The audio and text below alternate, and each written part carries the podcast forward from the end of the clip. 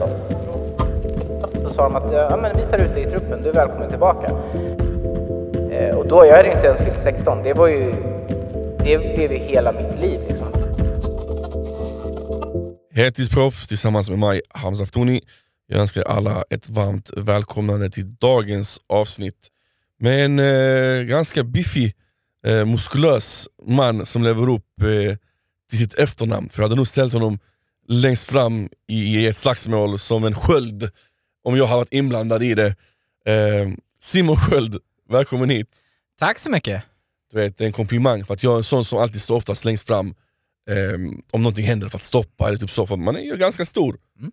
Men jag hade velat ha dig där framme med mig. Ja, ja men det, det uppskattar jag. Jag har inte blivit presenterad på det sättet innan, men det var ju det var nice. Jag gillar Du måste vara kreativ, det Ja, går inte bara samma självklart. sak. Eh, 34 år gammal, Stämmer. Har sysslat med kampsport typ hela ditt liv. Ja. Eh, väger, inte, nu väger du mindre än lättvikt, eller? Mindre än lättvikt. Ja. Lättvikt är 70, jag ligger nog på en eh, 80 nu i alla fall. Oj! Jag hade lagt det på en... Ja okej, då sa jag lite fel. Ja. Ehm, som jag sa, välkommen hit. Tack så mycket. Podcasten heter Heltidsproffs, Mm. där vi berör stegen som man behöver ta, enligt mig då, för att kunna få livet från amatör till proffs att funka. Mm. Eh, och längs med vägen så kan vi antingen bara snacka spontant, vilket det oftast blir, eller ibland så får jag lite hjälp av "Ugh, de här lapparna som jag har i min hand, Mm. som är bara allmänna rubriker. Eh, och en grej jag gillar att, att, att beröra innan vi går in på själva sportdelen Mm. eh, är detta. Familj. Familj. Mhm. När du hör ordet familj, vad tänker du på då? Men självklart tänker jag på min fru och mina barn. Det är väl det första som kommer i tanke. Mina föräldrar. Eh, sen delvis tänker man på sin barndom skulle jag säga. Vi kan väl ta föräldradelen först då. Föräldradelen först. Ja, för du delar upp det i tre delar. Mm. Familjen du är född i, Ja. familjen du varit med och skapat Ja. och barndom. Ja. Så vi kan väl ta... Där jag är född. Där, ja. Ja, men jag, jag, mina föräldrar är fortfarande gifta. Jag är ensamt barn, eh, uppvuxen i Hultsfred, en liten ort i Småland. Två mil från eh, Vimmerby och Astrid Lindgrens Värld, så brukar folk ha lite koll på var det ligger. Känt för Hultsfredsfestivalen, som inte längre existerar, tyvärr. Eh, men det var en stor del av min, eh, min uppväxt. Eh, men mamma och pappa flyttade upp till Stockholm för eh, eh, sju år sedan. När vi, eller vi, när min fru blev gravid med Polly. Och de skulle bli farmor och farfar. Så att då flyttade de upp och sen dess har de bott här uppe. Då. Och ja, nej men jag hade väl en hyfsat, eller alla säger väl en enkel barndom, men jag hade, hade det bra. Mina föräldrar, trygg hemmaväxt. Sen trivdes jag inte riktigt där jag växte upp, men det är nog många som inte gör. Hur kommer det sig? Eh, jag var inte riktigt skapad för en eh, småstad. Eh, det var för litet. Jag ville göra mer saker, större saker. Eh, jag kom med i landslaget första gången jag var 14, då var det karatelandslaget. Eh, och drömde jävligt stort. Drömde om liksom bli proffs, drömde om att eh, kunna försörja mig på att tävla, åka världen runt. Eh, och såg väl det som den enda vägen för mig. Jag såg aldrig något annat alternativ. Vem har du bäst relation till dina föräldrar? Jag har jättebra relation till båda, men vad ska man säga, mamma och jag tänker väl mer lika om jag nu ska, ska skilja dem åt. Eh, och så har det nog alltid varit. Vad är det ni, vad är det ni kommer överens kring? Nej, men pappa det bråk- värderingarna liksom, eller vad är det ni... Jag vet inte. Pappa var, pappa, min pappa är ju född eh, 48, är det väl. Eh, och det, den generationen har ju aldrig haft fel hela sitt liv. Eh, så vi bråkade väl väldigt mycket om att jag blev arg för att han inte kunde erkänna att han hade fel. Eh, och han tyckte att jag hade fel. Men vi har alltid haft en jättebra relation. Men vi kunde ju gå i luven på varandra medan mamma var arg liksom två gånger om året och då står jag och pappa i vakt. Då får man ta den smällen. Jajamän. Då, eh, då var man inte, då var man inte jättetuff. Ehm, ensamt barn. Ja, jag är ensamt barn. Eh, mina föräldrar eh, eh, ja, vi, de försökte skaffa barn efter mig men eh, fick ett ganska sent eh, missfall och kände att nej men nu orkar vi inte igen och vi har ett barn och hela den här biten. Och jag har väl alltid saknat ett syskon. Eh, men mina föräldrar har ju alltid varit, funnits där för mig. Och, eh, man får ju skapa sin egen familj när man blir större. Man får ju välja eh, bröder och syskon, eh, systrar eh, när man växer upp. Och jag har ju liksom eh, folk idag som jag ser som ja, men bröder eller sy- syster. Eh, och jag vet inte om det är samma som man känner för sina egna syskon eftersom jag aldrig haft några. Och jag har ju också kompisar som liksom tar avstånd från sina syskon. Så det är så olika från eh, familj till familj vad man har för förhållande. Vilka kriterier måste man ha för dig för att bli kallad en bror eller syster? Nej, men det är väl den här alltså lojaliteten, att man vet att man alltid kan lita på dem även om man, eh, ja, men om man gör fel eller om man liksom inte eh, visar sig på sin bästa sida. Och det kanske är det, att man kan visa sig på sin sämsta sida. Medans eh, ja, man, man, har, alltså man går igenom saker och kunna prata med någon om det, det är väl visa kanske att det, man är nära. Vem är det du står närmst idag? Eh, som eh, min, min fru, absolut. Men det är ju fortfarande liksom familj, familj. Vi, bor, vi är gifta, barn ihop, bor under samma tak. Eh, men jag har lite vänner som är kvar sedan karatetiden när jag tränade i landslaget. Eh, jag har kompisar som jag träffat efter det. Eh, sen har jag en del vänner som är kvar sedan, sedan jag var ung som man inte jag pratar inte med dem lika mycket eller lika ofta därför att vi bor lite längre ifrån, men de fortfarande betyder väldigt mycket. Innan vi går in på din skapta familj, mm. inte den du föddes in till, eh, så nämnde du barndom. Mm. Men jag, hade en, jag hade väl en bra barndom även om jag kanske inte trivdes på stället jag växte upp. Eh, men vi, hemma hade vi det bra. Jag, bodde i ett hus, liksom, flyttade aldrig. Eh, vi åkte på semestrar. mamma och pappa liksom hade, ja, men det var väldigt stabilt, samma jobb. Och, vi var med om en trafikolycka när jag var 12 år gammal, eh, då båda mina föräldrar fick whiplash. Eh, jag skadade mig inte även om jag var med i själva olyckan, men de har ju sviter sedan, det, eh, sedan dess. Och nu är vi på 2022, så de har ju haft det väldigt länge. Och, nu är de ju, jag vet inte om det heter sjukskrivna eller sjukpensionärer eller vad definitionen av det är, men det har ju påverkat dem enormt och i förlängningen självklart familjen. Hur har det påverkat dig? Ja, men jag har ju haft två föräldrar då som efter skadan eh, haft väldigt ont, eh, inte orkat med eh, ett heltidsjobb. Sen har de liksom de skulle nog ha kunnat fejka det för mig om jag inte har varit med i olyckan därför att de, ja, ja men lite det här, lite den gamla skolan, man klagar inte så mycket, man biter ihop och gör det man, man ska göra. Men eh, det påverkar dem väldigt mycket. Eh, och, och eh, men det är som att leva, alltså de har whiplash-skada, det är som att leva med ett konstant eh, nackskott, eller nackspärr. Liksom. Eh, och eh, ja, men påverkar ekonomiskt, de blir sjukskrivna. Eh, sen har de alltid eh, säga, varit ekonomiska av sig, så att det var inte så att vi behövde göra någon förändring i vår vardag och inte hade råd att eh, åka på semester eller sådär. Men det är klart att det påverkar det. Och sen att se sina föräldrar ha eh, ont och må dåligt, det, det är inte kul för någon. Kände du att du var tvungen att ta ett ansvar du inte var redo för att ta? Nej, de har aldrig, nej det skulle jag säga att det har nog jag aldrig känt. Eh, de har alltid varit väldigt stöttande. Jag kom med i landslaget ganska tidigt. Jag var ju uttagen i landslaget innan, när jag var 15. Eh, så att de har alltid stöttat mig på den eh, vägen, hjälpt till, kört till tävlingar även om det var 30 mil. Eh, hjälpt mig med liksom, läger, landslaget, hela den biten. Alltid varit intresserade. Eh, alltid vad man säga, velat hjälpa till med det de har kunnat. Din eh, egna familj, mm. som du har eh, hemma just nu. Ja. Var det två barn och en fru? Eh, fyra barn och en fru. Fyra barn och en fru. Berätta. Är, nej men vi har ju, jag, jag är gift med eh, Camilla Läckberg och hon har ju tre barn sedan tidigare och sen har vi en dotter som blir sex eh, den första april.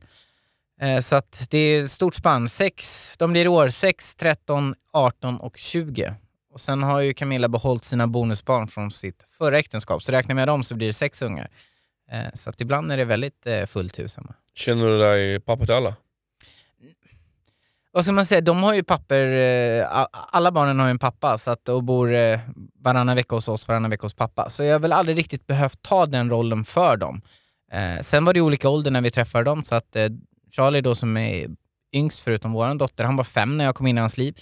Där blir man väl lite mer pappa än kanske då de äldre som var 10 och 12. Så att jag har aldrig liksom behövt ersätta någon pappa som inte har funnits. Den grejen, liksom, den här filmgrejen att man söker en pappa som inte finns. Ja, den har ju aldrig funnits, utan det har varit ganska okomplicerat. Så man har väl blivit som någon form av extra pappa eller vuxen kompis eller jag vet inte vad man ska säga. Men man bor ju under samma tak, så vissa delar blir man ju som en pappa.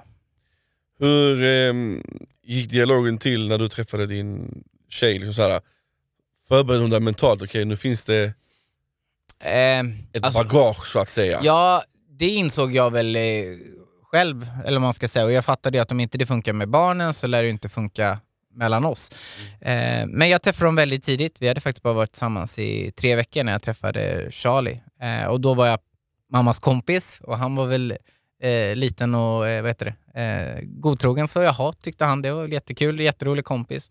Eh, och sen så träffade de äldre och det gick väldigt fort. Det gick bra, vi gillade varandra, vi kom överens. Och, ja, så det, det, det flöt liksom bara på. Det var aldrig något liksom gupp eh, i vägen eller någonting vi tog ställning till utan eh, träffade barnens papper, liksom, självklart av respekt för dem. Men det gick väldigt bra. Hur träffades ni? Vi träffades på ett eh, arbetsmöte för eh, Mini, bilmärket, då vi skulle vara ambassadörer och eh, ja, vi sågs en hel dag på en workshop och då hade vi träffats ett och ett halvt år tidigare, för då hade jag jobbat som entrévärd på hennes tioårsjubileum som författare. Så då hade jag och en polare, vi stod insmorda i bara överkropp och hälsade folk välkomna. Eh, Så så sågs vi första gången och då kanske vi träffades mellan 30 och 40 sekunder. Och sen sågs vi på det här arbetsmötet eh, en och en halv, eh, ett och ett halvt år senare. Kommer hon ihåg dig från den inåldrande... Oh ja, eh, hon, hon var ju sen, vilket hon, inte, vilket hon brukar utesluta den här liksom, berättelsen. För enligt henne så är hon aldrig sen. Men hon kom för sent eh, och så kom hon in sista av alla och hälsade då och jag sa ah, men du kanske inte känner igen mig, jag jobbade på ditt tioårsjubileum eh, som författare. Eh, varpå hon svarade oh förlåt, jag kände inte igen dig med kläderna på. Så ja, Oh shit! Japp. Och det var väl där någonstans man började bara, shit det här, det här är bra, det här tar vi vidare. Varför tror du att folk är så jävla nyf- nyfikna på er relation? Vi är väl på, på pappret extremt otippade. Om man frågar då Camilla som var 39 när vi sågs, vad letar du efter i din nästa man? Så kanske hon inte skulle sagt en, ja, men en singel eh, 27-åring som, eh, som elitsatsar. Eh, och än värre åt mitt håll, eller värre, än mer åt mitt håll, 27 år, singel. Eh, jag letade kanske inte efter en 40-årig trebarnsmamma. Så att det kanske var det här att vi var så osannolika på pappret och vissa ville att det kanske skulle misslyckas medan vissa tyckte det var underbart och eh, eh, ja, men lite så här, låt kärleken vinna. Liksom. Det finns, jag menar ålder, det är klart att ålder spelar någon roll. Hade, vet du?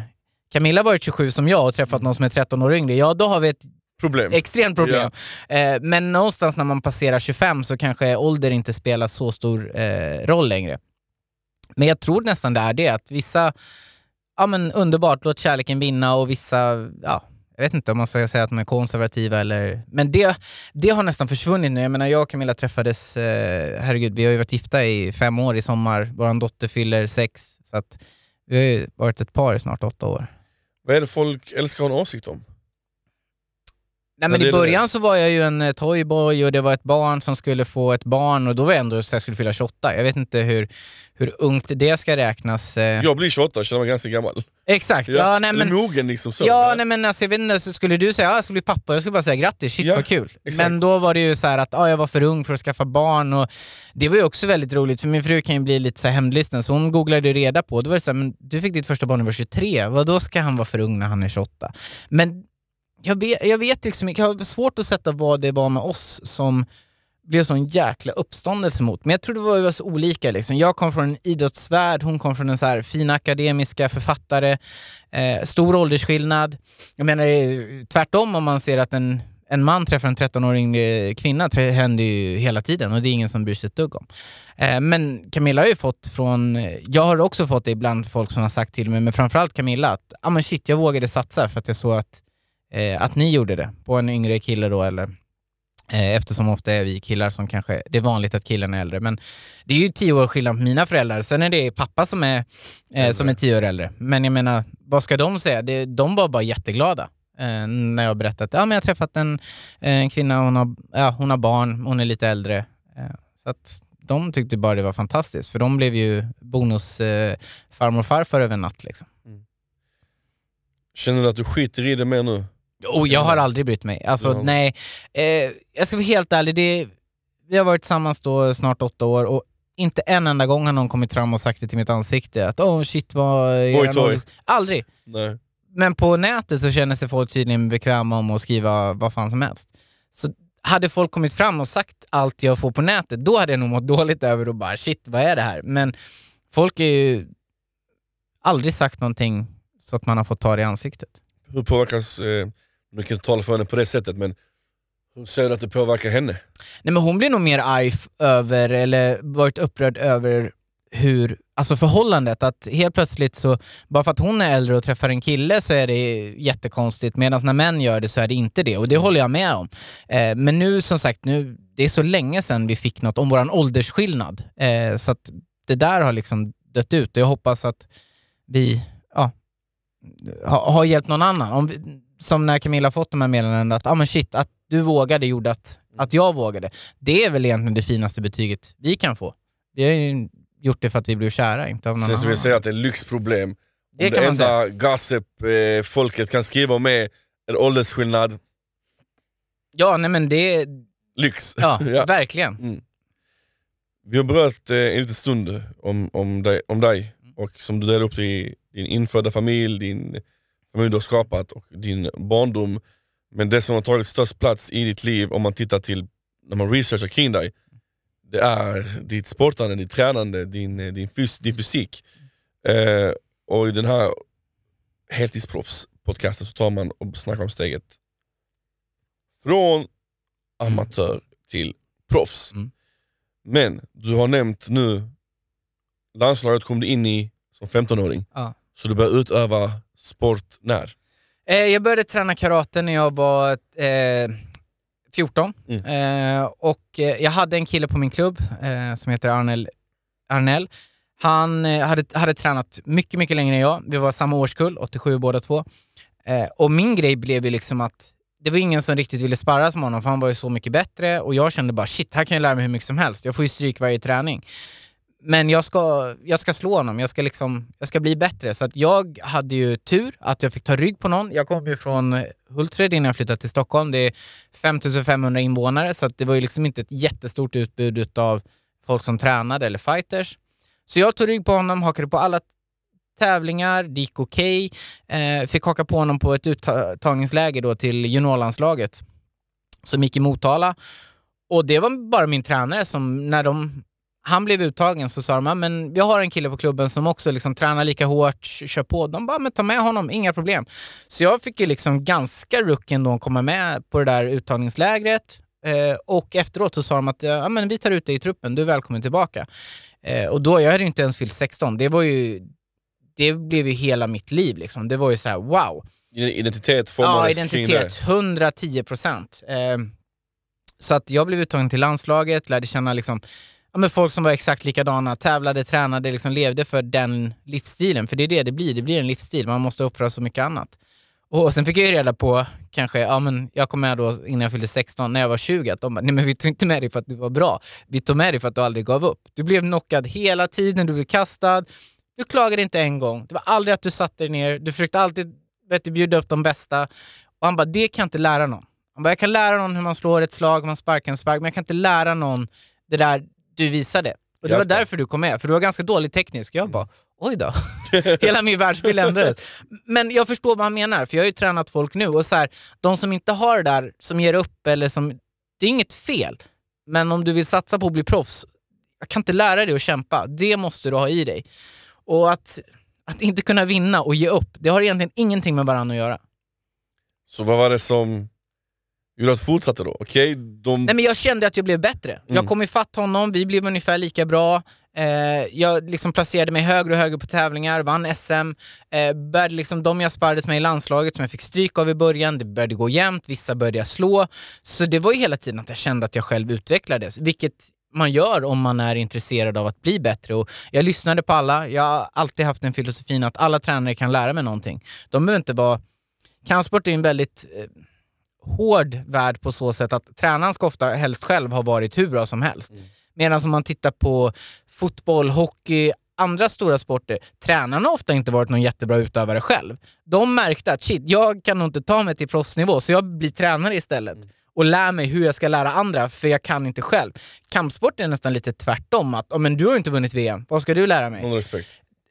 och, och, och det där är en ganska hård värld, medan jag har känt att jag ju tränat för tränare som, där jag skulle säga att jag är mycket bättre utövare Men de kan se saker, de kan liksom säga saker på ett annat sätt, hur man förklarar. Så jag, försöker, jag har alltid försökt vara öppen och testat egentligen det när jag varit runt på alla klubbar, vad alla tränare har sagt. Och ibland kan det vara någon som, eh, ja men helt ärligt, jag tyckte i början var så här, men den här tränaren kommer aldrig lära mig någonting. Men så säger de någonting, och man är öppen för det. Ja men det här var ju skitbra, sättet han sa det på, eller hur han tänkte i den här situationen. Det behövde inte vara stora grejer, men det gjorde också att det var roligare att åka på, på träningar. För jag har ju självklart tränat för tränare jag inte tyckt varit så superbra jämt. Men jag brukar alltid också tänka att de är väl där för att de vill göra oss bättre. Jag, jag har nog aldrig mött på en tränare som bara är där för sin egen skull, utan de flesta har ju ett hjärta. Man lägger ner eh, ideell tid för att liksom, jag hjälper er Eh, ofta vill man att folk ska bli hjälpta. Jag har inte mött någon som har gjort det av någon annan anledning. Karate var ju inte det enda. Nej. Jag, nej, nej, nej. Jag höll på med karate till jag blev 20. Eh, då, började jag liksom, då kom man in i det här, du vet, lumpen. Eh, folk... Eh, vi var ett skittajt gäng i karatelandslaget. De, jag har kvar många av männen nu och jag vet att jag skulle ringa dem och bara shit, jag har problem, jag behöver hjälp. De skulle ställa upp. Och vi hade sjukt kul, vi reste världen runt, tävlade, träningsläger. Eh, och, men när vi blev 20, vi var ett stort gäng 87 er eh, ja, men Någon skulle börja plugga, någon skulle in i lumpen, eh, någon träffade en tjej och slutade. Så det, liksom, det segregerades ganska mycket. Vi blev färre och det var inte lika roligt. Och det, så här, där var så här, oh shit, ska jag hålla på med det här? Och nu har han slutat och han har gått vidare och han ska plugga. Ska jag plugga? Vad ska jag göra? Alltså, det, man fick någon form av så här... Vad ska bli när jag blir stor? Ja, precis. Mm. Exakt. Eh, och man började inse, okej, okay, men pengar och karate går inte jättebra ihop. Liksom. Det finns inte så jättemycket att hämta. Så där någonstans började jag känna, så var det så här, men jag har ju tappat glädjen för träningen. Sen, eh, vi hade en kompis eh, som var med i, land, hon var med i landslaget i både karate och jutsu som heter Linda Lindström. Eh, hon sa, men fan du är ganska liksom stark, du, du, du har bra bas, kan inte du komma och testa jutsu? Jag ja, men som jag sa, jag gillar att testa grejer. Ja, men jag kommer. Eh, ja, men kör det där och det gick ganska bra, jag lärde mig ganska fort. Det, skillnaden där är liksom att man kastar mer, eh, men det är fortfarande slag och spark. Eh, och de sa, men ska du inte testa att köra en tävling? Den är här i Nacka, på den, det var den klubben, som jag, Nacka Dojo, som jag trä, bara var tränade på. Absolut, testade att köra det, kom trea, slog en landslagskille. Ja, men shit, det här är ju liksom, det här är kul. Och fick tillbaka glädjen. Och där blev uttagen i landslaget, tävlade en hel del för dem, vann SM i elitserien i jutsu. Eh, träffade andra polare som man lärde känna längs vägen, för då hade jag börjat så här, okej, okay, MMA verkar ju lite kul. Eh, blev uttagen, eh, körde SM i eh, Kung Fu, vann det. Eh, kommit, jag har kommit etta, tvåa, trea på det. Eh, liksom hittade andra sporter och sen så var det så här, men MMA är ju det som lite grann kombinerar, ja, kombinerar allting. Plus att det var ju sjukt hypat. Det var ju, eller det är ju fortfarande skitcoolt. Då piken. Det var ju så jävla coolt och alla skulle bli liksom eh, proffs. Och jag vet att det här är från amatör till proffs, men det fanns ju ingen amatör på den tiden. Alltså alla gick från att ha gått shootfighting, vilket är en annan sport, mm. till att bli, alltså då, gå fullproffsmatcher. Um, och det var ju liksom så här, ja men där och där kan man ju faktiskt leva på det. Man kan tjäna pengar så att man men i alla fall kanske kan jobba halvtid eller gå ner i, i, i tid.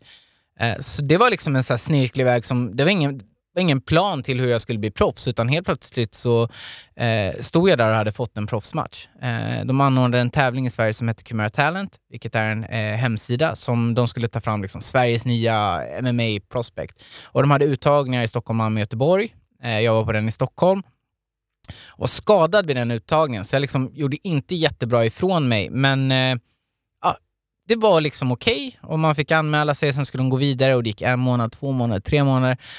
Och jag tänkte, ja men det där rann väl ut i sanden liksom. De drog igång något och så hade de inte pengar eller ja, resurser för att dra det vidare. Men så ringde de och bara, ja vi liksom, ber om ursäkt att det har dragit ut på tiden men ja, jag menar, alla var ju på uppgång då. Det, jag vet inte om de ens tjänade några pengar. Jag tror de gjorde det på fritiden för att de tyckte det var så jävla kul.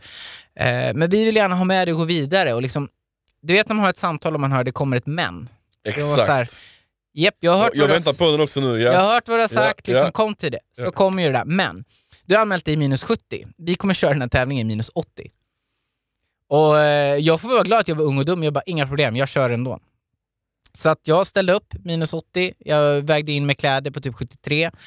Eh, gick vidare till semifinal, eh, där mötte jag Andreas Ståhl eh, som eh, idag tävlar i minus 77, han har varit i UFC. Eh, ja men riktigt duktig fighter, alltså det ser ut som David mot Goliat liksom. Mm.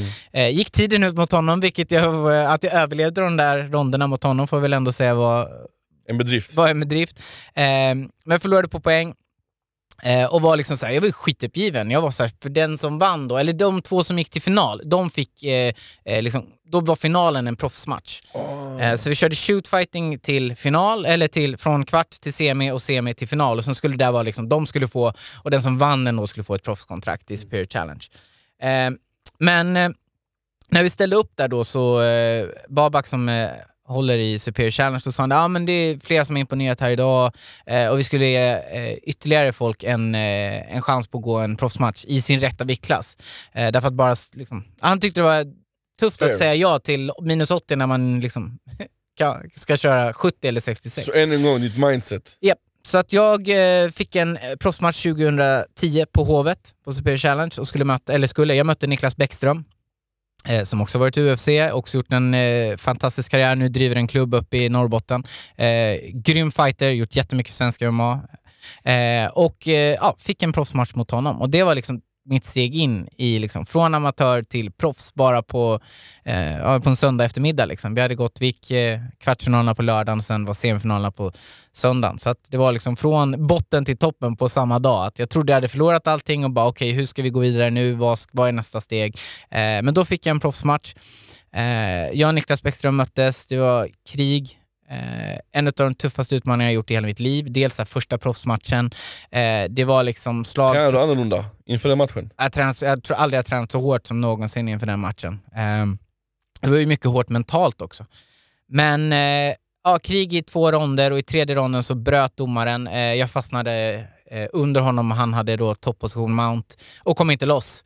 Eh, det var en engelsk domare eh, som liksom bara ja, men sa du måste komma därifrån annars bryta. Jag bara nej, bryt inte, det är lugnt, det är lugnt. Men, eh, och där är så här, en bra sak med reglerna är att om du inte kan försvara dig intelligent eh, så måste domaren bryta. Det är ju för att man inte ska skada sig. Så det var ett helt korrekt bryt. Domaren gav mig en eh, heads-up att det här kommer hända om ni inte tar det därifrån. Men då var man ju helt eh, knäckt liksom. Och mina föräldrar var inte på plats. Eh, min mormor och morfar var, för jag bjöd dit dem.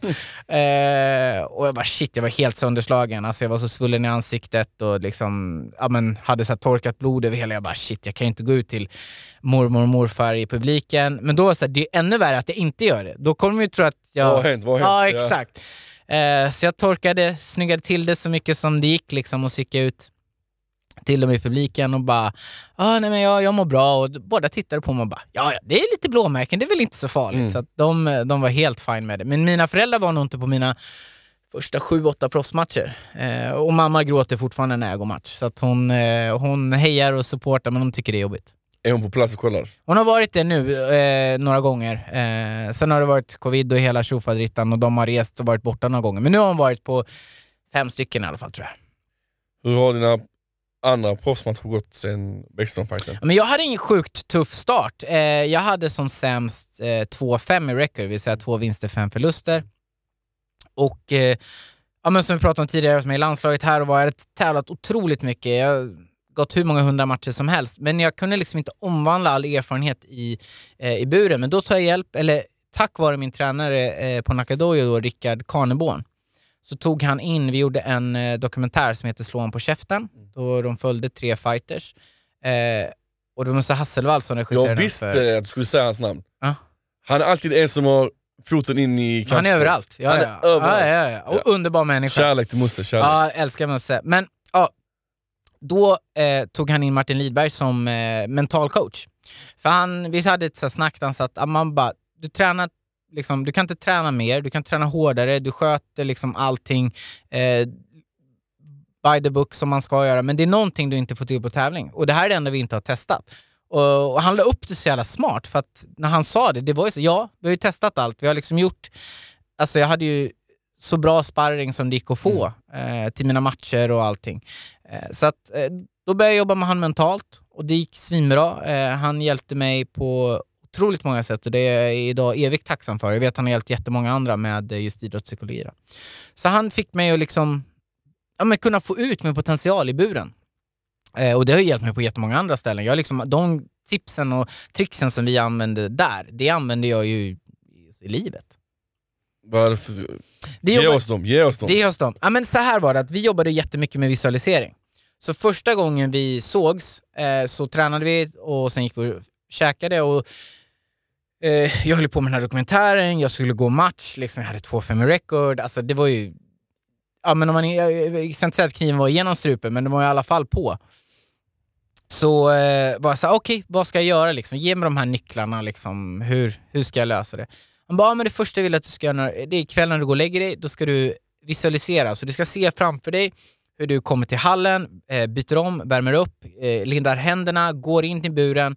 Eh, matchen startas och så ska du gå igenom matchen. Eh, det finns bara ett krav och det är att du måste vinna. Om det så är liksom eh, att du boxar ut honom direkt eller att ni grindar och eh, domslut, spelar ingen roll. Du måste vinna matchen. Okej, okay. han bara, så ska vi ses om två veckor igen. 14 dagar senare. Skulle göra det här varje kväll. Och jag gick hem och la mig och bara shit, det här kommer ju, hur fan ska det här gå? Så bara la mig och för det första tappade jag fokus jättemånga gånger att så här, ah, men okej okay, jag åker till buren, undrar om jag vad handlade? Åh, oh, ett plus ett blir två. Alltså det man tappar helt. Tillbaka igen. Jag hade sån jävla puls första gången, första kvällen. Så här. Alltså jag låg ju i sängen helt avslappnad, bara hjärtat. Så jag fattade, okej okay, shit, jag är så jävla nervös när jag tävlar.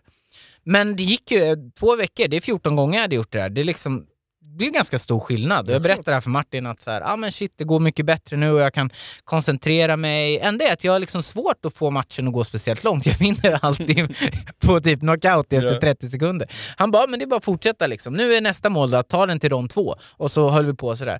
Och ja, efter det så vann jag sju, åtta matcher på raken.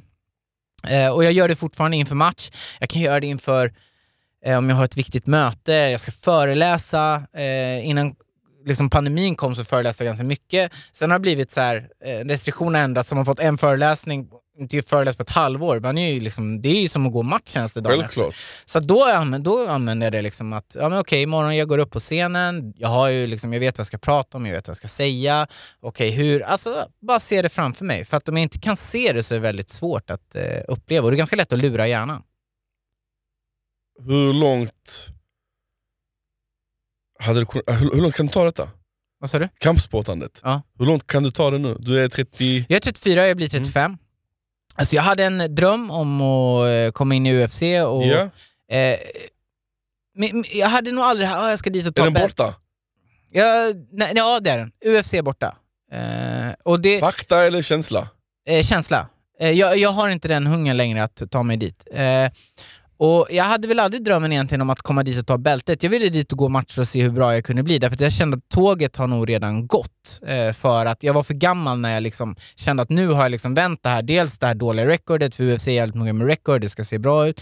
Eh, sen liksom, nu har jag tränat med de bästa och eh, jag vet inte, det blev liksom något så här, jag har varit över i USA, kört på American Top Team, tränat med liksom Masvidal och company? Exakt, hela det gänget. Det var till och med på den tiden då Colby fortfarande var ah, välkommen okay. där. Ja, han var jättetrevlig, så att, eh, det är mycket spel för gallerierna. Men Dustin Poirier, eh, de har ju hur många champs som helst och tränat med dem.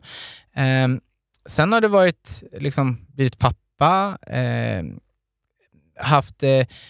min tränare har varit väldigt sjuk, cancer det är liksom inte den anledningen till att jag inte har tävlat, men det har påverkat också. Jag har velat vara där för honom. Eh, jag har känt att jag inte bara vill byta coach eh, därav. Så det har varit många liksom, grejer. Eh, och sen känner jag så att det här... Jag, jag är för gammal för det här spelet, att man ska sitta i media och säga att oh, jag ska slå sönder honom och det, jag ska misshandla. Alltså jag har en dotter som då är sex, sen har jag liksom en kille som går på, ska börja högstadiet, 13, och sen de andra de är ju liksom vuxna. Men jag kan inte sitta och säga i en intervju att jag ska, ska, spräcka, jag ska spräcka en skalle och sen så slåss de på skolan, vad ska jag säga till dem? Och men, du satt ju och sa att du skulle slå sönder honom och att han var sämst. Och jag kan inte göra det när jag har barn. Och jag förstår att det är showbusiness, man måste sälja matcher, man måste hypa. Folk har sagt det till mig innan, vi har kramats efteråt och liksom man är men polare? Ja, respekt efteråt. Men jag kan inte sitta och säga sånt. Det funkar inte för mig. Jag är inte den personen. Jag, jag kommer nog gå en två, tre proffsmatcher till, men jag har inte den drömmen om att jag ska ta mig till, eh, till UFC. Och då vill jag inte vad ska man säga, försöka stå i vägen för någon annan. Jag hoppas det går skitbra för Sverige. Vi har ju extremt många i UFC för att vara ett sånt, sånt galet litet land och vi har så mycket bra fighters som är på uppgång. Eh, och när jag fightas, jag får hyfsat, eller jag får mycket liksom, mediauppmärksamhet. Eh, Varför får du det? Ja, men det, folk, folk har liksom varit intresserade av eh, eh, ja, men dels mig och min fru och sen jag har alltid haft hyfsat stort eh, intresse när jag har tävlat, även innan jag träffade min fru. Sen självklart exploderade det efter hon och jag träffades. Men jag har liksom inte någon... Jag har inte det drivet längre. Jag har drivet att fortfarande eh, gå matcher, men jag har inte drivet av att... Och där tror jag man måste vara ärlig mot sig själv, för jag tror att nederlaget och det blir så jäkla mycket mer jobbigt om man inte vet vad man egentligen vill. Så det var inte en del av din visualisering längre? Nej, inte att ta mig dit. Jag orkar inte göra det jobbet. Om jag alltså bara så, utan jag kommer gå några proffsmatcher till, eh, tävla på den liksom, nivån där jag är. Jag menar, proffsmatcher, det finns ju nivåer på allting. Eh, nu blir det mer att tävla för att testa sig själv, än att kanske då ta sig in på någon, eh, eh ta sig in på Europa-ranking eller världsranking och slå sig in i en större organisation. Eh, Coviden satte väl lite, det var väl det som jag tror nästan tog bort drömmen om det, därför att åldern är ju ett faktum. Man är inte för gammal när man är 34, men jag har mycket mer att göra när jag är 34 än vad jag hade när jag var yngre. Vad tycker familjen om att du fightas? Familjen du de själv har support, skapat? Nej, men de supportar ju till 110% och det är aldrig några problem när jag måste träna eh, kvällar, kvällar och helger eh, inför match och de kommer dit, de skriver plakat, eh, de hejar liksom till eh, så galet mycket. Så det är den bästa supporten ever. Aldrig aldrig vad man säga, tvivlat på deras support eh, någonting. Eh, det är väl mer jag själv som känner att, ja men som sagt, jag kom med i landslaget innan jag var 16. Eh, det, jag har hållit på med det där mer än halva mitt liv. Eh, det finns jävligt mycket andra roliga grejer att göra också. Var, var får du din kick ifrån just nu då? Eh, men nu blir det ju liksom så här, eh, jobbet, jag tränar ju fortfarande. Jag menar, man går absolut matcher, men jag trä träning är ju det man lägger mest av tiden på. Eh, att lyckas eh, med mina bolag, att lyckas med... Alltså jag, hitta nya liksom, intressen i, i livet. Och du sa att, att få så här, mat på bordet av att fightas är inte alltså jag, världens enklaste grej. Nej, men alltså, ekonomiskt går jag väl back på att tävla. Alltså, mm. Jag tjänar ju mer pengar om jag jobbar eh, än om jag går matcher. Men jag har gjort det ändå för att jag älskar det. Jag älskar sporten, jag älskar alla upplevelser det har gett mig, alla erfarenheter, alla människor man träffar. Eh, så det finns ju så otroligt mycket som jag älskar med sporten och kommer fortsätta eh, att hålla mig, hålla mig aktiv på olika sätt. Det kanske blir att man hjälper eh, någon att gå matcher. Sen som sagt, jag har säkert två, tre matcher kvar i kroppen. Men jag har inte det här att, eh, ja, jag, eh, dels jag kan inte åka på läger utomlands i en, två månader. Eh, jag kan åka kanske en vecka. Eh, du har annat ansvar. Ja, exakt. Så det blir ett annat fokus. Och jag ser inte det som något negativt, jag ser bara det som något annat. Eh, och man måste anpassa livet efter där man är just då. Mm. Vad är det du gör för att mm. Håva in cash? Du har olika bolag, vad, vad, ja. vad jobbar du med? Jag har eh, in Shape som är en eh, online för eh, personlig träning. Där jag coachar folk, eh, hjälper dem med liksom, målsättning.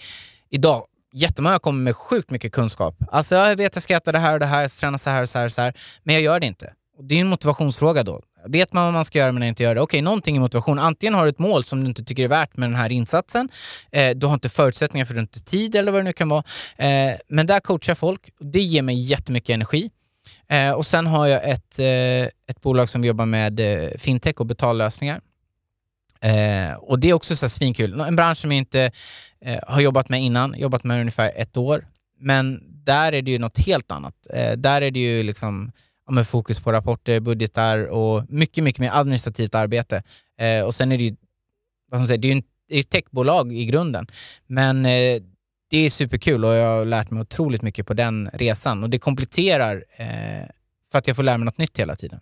Träning kan jag, eh, absolut inte fullärd. Man blir aldrig fullärd. Jag tror den dag man tror att man är fullärd så eh, då ska man nog göra någonting annat. Eh, jag lär mig grejer och det roliga med både om jag tittar på mitt min träningsverksamhet och eh, mitt fintechbolag. Jag lär mig saker varje dag, både av de jag liksom jobbar med, av kunder, av de som jag pratar om det med.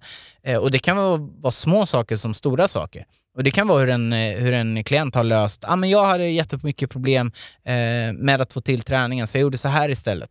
Ja ah, men shit, det kanske passar den här klienten. Så att jag har ju liksom hållit på med träning sedan jag var 14, men att jag tror att jag är liksom fullärd, det kommer jag aldrig bli innan vi avrundar eh, podcasten så vill jag veta, vem tror du är Sveriges största framtidshopp inom MMA-kampsport? Eh, Alexander Gustafsson är ju den som har liksom tagit, eh, satt Sverige på kartan internationellt big time. Så att, alltså hatten av till allt han har gjort. Eh, den, den som är i UFC idag som kommer ta sig längst är eh, eh Chimaev. Eh, jag tror att han kommer möta Gilbert Burns härnäst och ja, han har ju, men, han har ju vet, kört över alla han har mött och liksom har gjort det på ett sånt jävla sätt. Sen tror jag att eh, Tobias Harjala, eh, som är signad för Cage Warriors, eh, kommer att eh, komma långt. Han tar alla matcher, han kör tufft.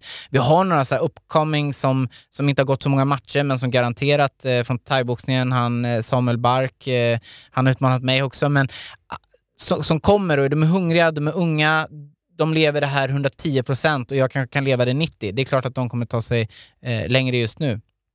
Eh, sen på eh, damsidan, Pani Kianza tror jag kommer gå, hon är inne i UFC, kommer gå jättelångt. Eh, vi har Lina Länsberg som också är med i UFC, superduktig fighter.